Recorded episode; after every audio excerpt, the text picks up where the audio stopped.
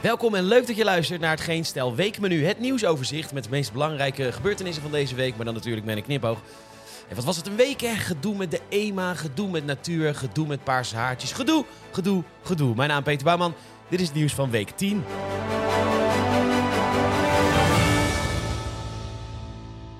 Dinsdag. Wat waren we trots, hè? Een immense lobby van Wouter Bos en het is hem gelukt. Dankzij Brexit moest het Europese Geneesmiddelenbureau EMA vertrekken uit Londen en uit 19 lidstaten werden wij verkozen. En nu staat dat pandje daar mooi te wezen in de stad van liefde, hoop, energie, transitie en hoop. Want veel hoop. Amsterdam. In, ja, in werkelijk een prachtige wijk. Precies aangrenzend aan twee van de drie opties voor het nieuwe erotische centrum van Femke Halsema. Die prachtige plek voor ruimte, voor cultuur, burlesque shows en vieze vingertjes halen bij Hoer Henk, die u niet mag weigeren, want als homofobie. Het EMA is over de zeik. Ja, die lui die zien de bui al hangen. Want natuurlijk, natuurlijk gebruikt Jan met de pet wel eens een prostituee. Maar natuurlijk trekt het ook ongure types aan. Die op de wallen worden gecontroleerd door, weet ik veel, 50.000 mensen die daar rondlopen. Maar in de buitenwijken natuurlijk niet. En dan, ja, dan loop je als Europese geneesmiddelenbureau-medewerker daar. En dan voel je je ja, onveilig. En denk je dat het EMA naar Femke Halsema is gegaan om te klagen? Nee joh, die zijn direct naar papa en mama gestapt. De Europese Commissie. Want als we één ding hebben geleerd van D66... is dat zodra de Europese Commissie iets benoemt... er geen discussie meer mogelijk is. Top gedaan!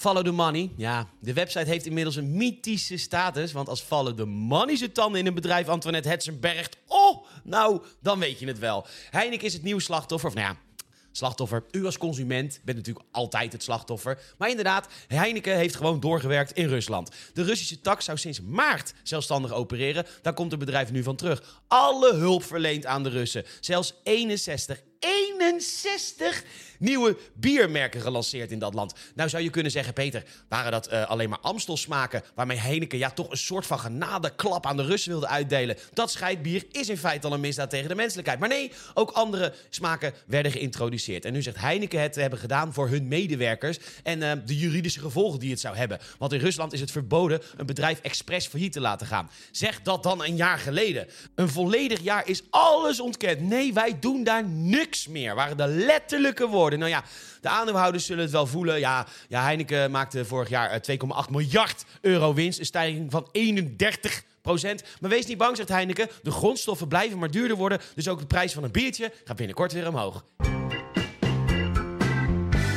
Kijk, bij Heineken en de supermarkt en al die enorme bedrijven met die enorme winst, daar weten we het wel. Maar we willen het kleinbedrijf natuurlijk altijd steunen. Lees je dit bij de Telegraaf in een reportage over een vakbeurs voor bakkers. Een oud bakker aan het woord.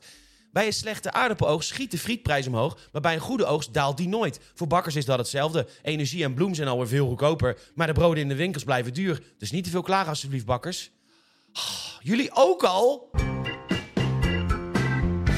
Het Algemeen Dagblad. Kijk, natuurlijk moet een website geld verdienen. En natuurlijk zijn er eigenlijk maar twee manieren om dat te doen. Abonnees, premium.geenstijl.nl. Dankjewel. En advertenties. Maar vorige week pikten we al twee sluikreclames uit bij het Algemeen Dagblad. En het is pas dinsdag en de ellende uh, begint alweer. Kan doorgeslikte kauwgom in je lichaam blijven plakken? Ja, AD-lezer, binnenkort krijgt u de vraag gesteld of u vierkante ogen krijgt van tv kijken. En uh, groeit er een appelboom uit je als je de pitjes uh, opeet.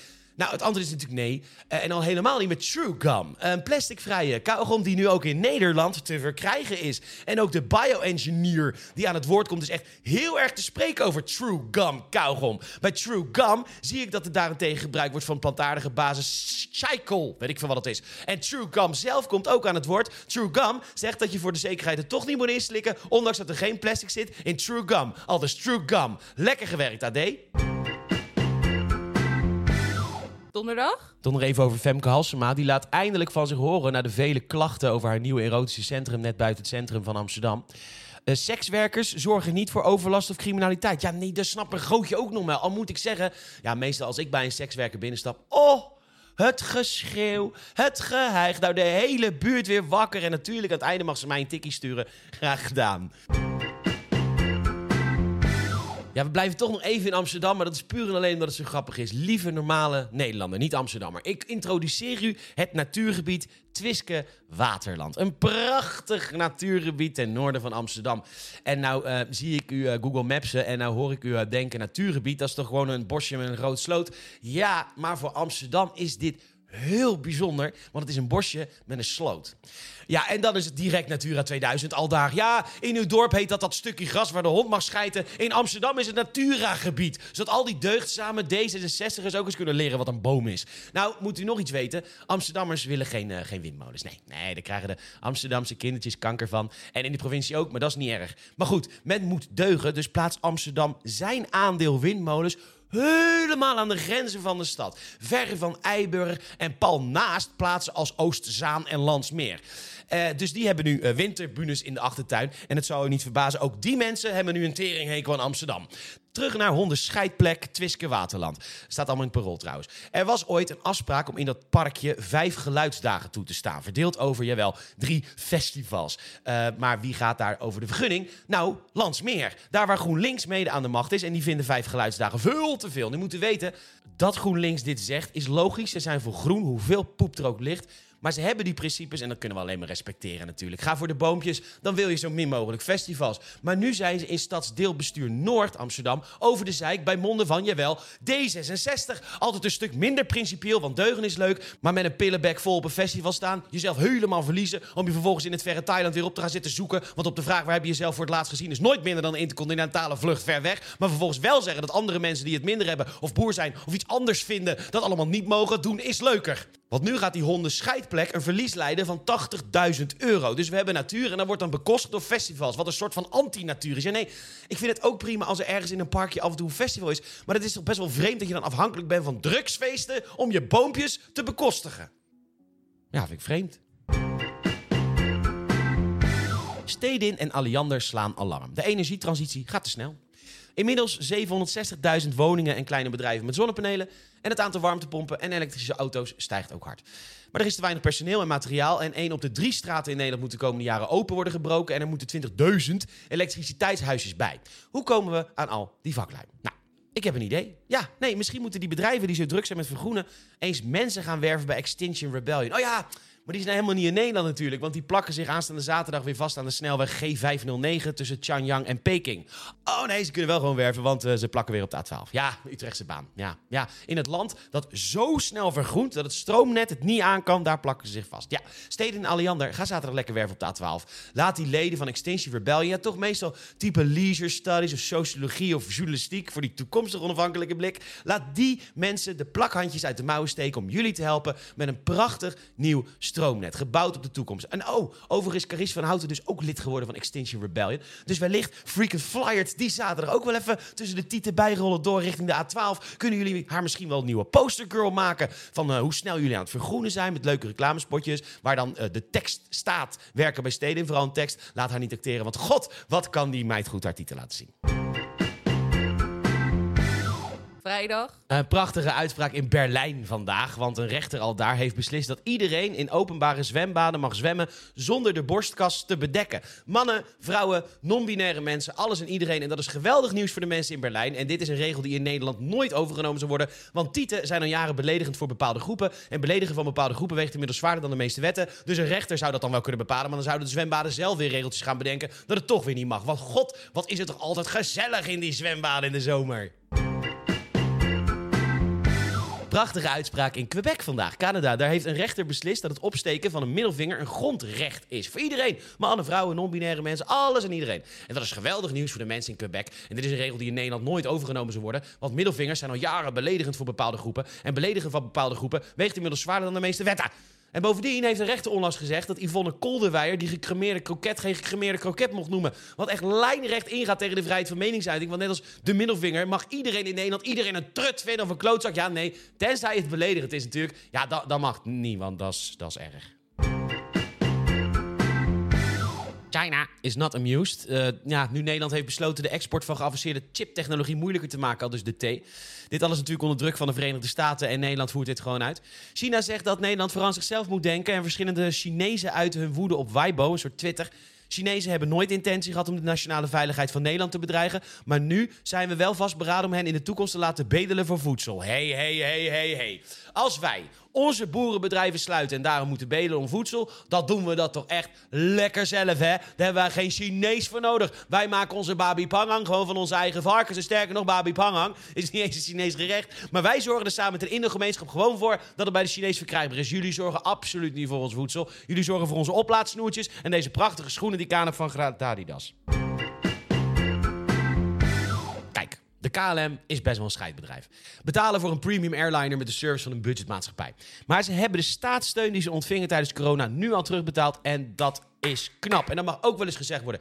Ja, het kost ons als consument, joh, een paar honderd euro extra per ticket. Maar toch, KLM had er ook drugs van kunnen kopen. Maar nee, ze hebben hun schulden afgelost. Top. En nu sleept de pilotenvakbond VNV ze voor de rechter. Ja. Nou, waarom? Nou, ga ik uitleggen. Let op.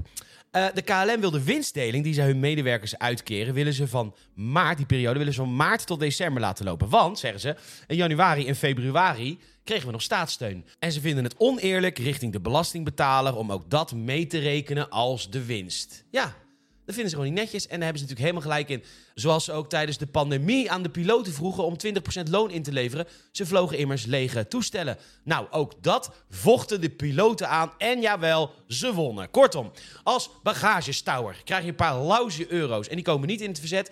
Als je piloot bent en ongeveer 2 ton per jaar verdient, dan procedeer je op elke euro die je moet bijdragen tijdens een crisis. Altijd zeiken dat volk met geld. Wijn zuipend op je lijnvluchtje Curaçao. Gast, ik proef. Co-piloot Gerard Arends, Johan van Achter Heemstede braakligging. Druk jij even op het knopje vliegen land uitladen. Kutvolk, kunnen we lekker verder feesten. Purser Mark Marie passen we een paar van die geide KLM-huisjes. Ik vlieg morgen naar moslimland, dus de bols moet leeg. Cheers, stereo, wat doen. Zaterdag. Rokers, drinkers, dikkertjes. Ja, ik ben twee van de drie. Doorstrepen wat niet van toepassing is. Gedragsverandering kun je nou eenmaal niet opdringen. Als je echt iets wil veranderen, dan moet je dat echt zelf heel graag willen. Dus als we een wereld willen waar minder gevlogen wordt, dan kun je niet zomaar zeggen: we gaan minder vliegbewegingen toestaan vanaf Schiphol. Want dan gaan die vliegbewegingen gewoon vanaf een ander vliegveld plaatsvinden. Zoals Delta Airlines, de partnermaatschappij van KLM, die kijkt alvast een beetje rond. En zij hebben een oogje op Charles de Gaulle in Parijs. Ondertussen zijn er talloze partijen die naar de rechter stappen vanwege de krimp op Schiphol, omdat het eerder anders beloofd was. Ook ik schok van het aantal partijen. KLM, Delta, Corendon, EasyJet en TUI in rechtszaak 1. De mondiale luchtvaartkoepel IATA. De Amerikaanse brancheorganisatie A4A. FedEx, Air Canada, JetBlue, United Airlines, Vueling en British Airways in rechtszaak 2. Al dus de Telegraaf. Wat een rechtszaken. Bijzonder. Het feit dat de Europese Unie een Europees commissaris voor transport heeft, ja, ja nee, ik zie wel een functie hoor. Als in uh, bijvoorbeeld uh, hoe stroomlijn je internationaal vliegverkeer. Nou, buiten Schiphol. Maar waar is deze dame mee bezig? De invoering van een Europees digitaal rijbewijs. Volgend jaar al. Wie zijn die mensen die dit bedenken? Maar mevrouw Velan heeft uh, vooral de veiligheid in het hoofd. En het Algemeen Dagblad ziet ook alleen maar voordelen. En ze stellen Nul vragen. Het wordt een digitaal rijbewijs. Nou, daar krijgen we geen jeuk van. Met een QR-code. Nou, daar krijgen we helemaal geen jeuk van. Een proeftijd voor beginnende bestuurders. Een nul tolerantie voor alcohol. Als je rijbewijs wordt ingenomen, is die in heel Europa ingenomen. Wat totale kwats is. Want dat is nu ook al zo algemeen dagblad. Je moet je rijbewijs namelijk inleveren. Dus wat denk je dan, AD?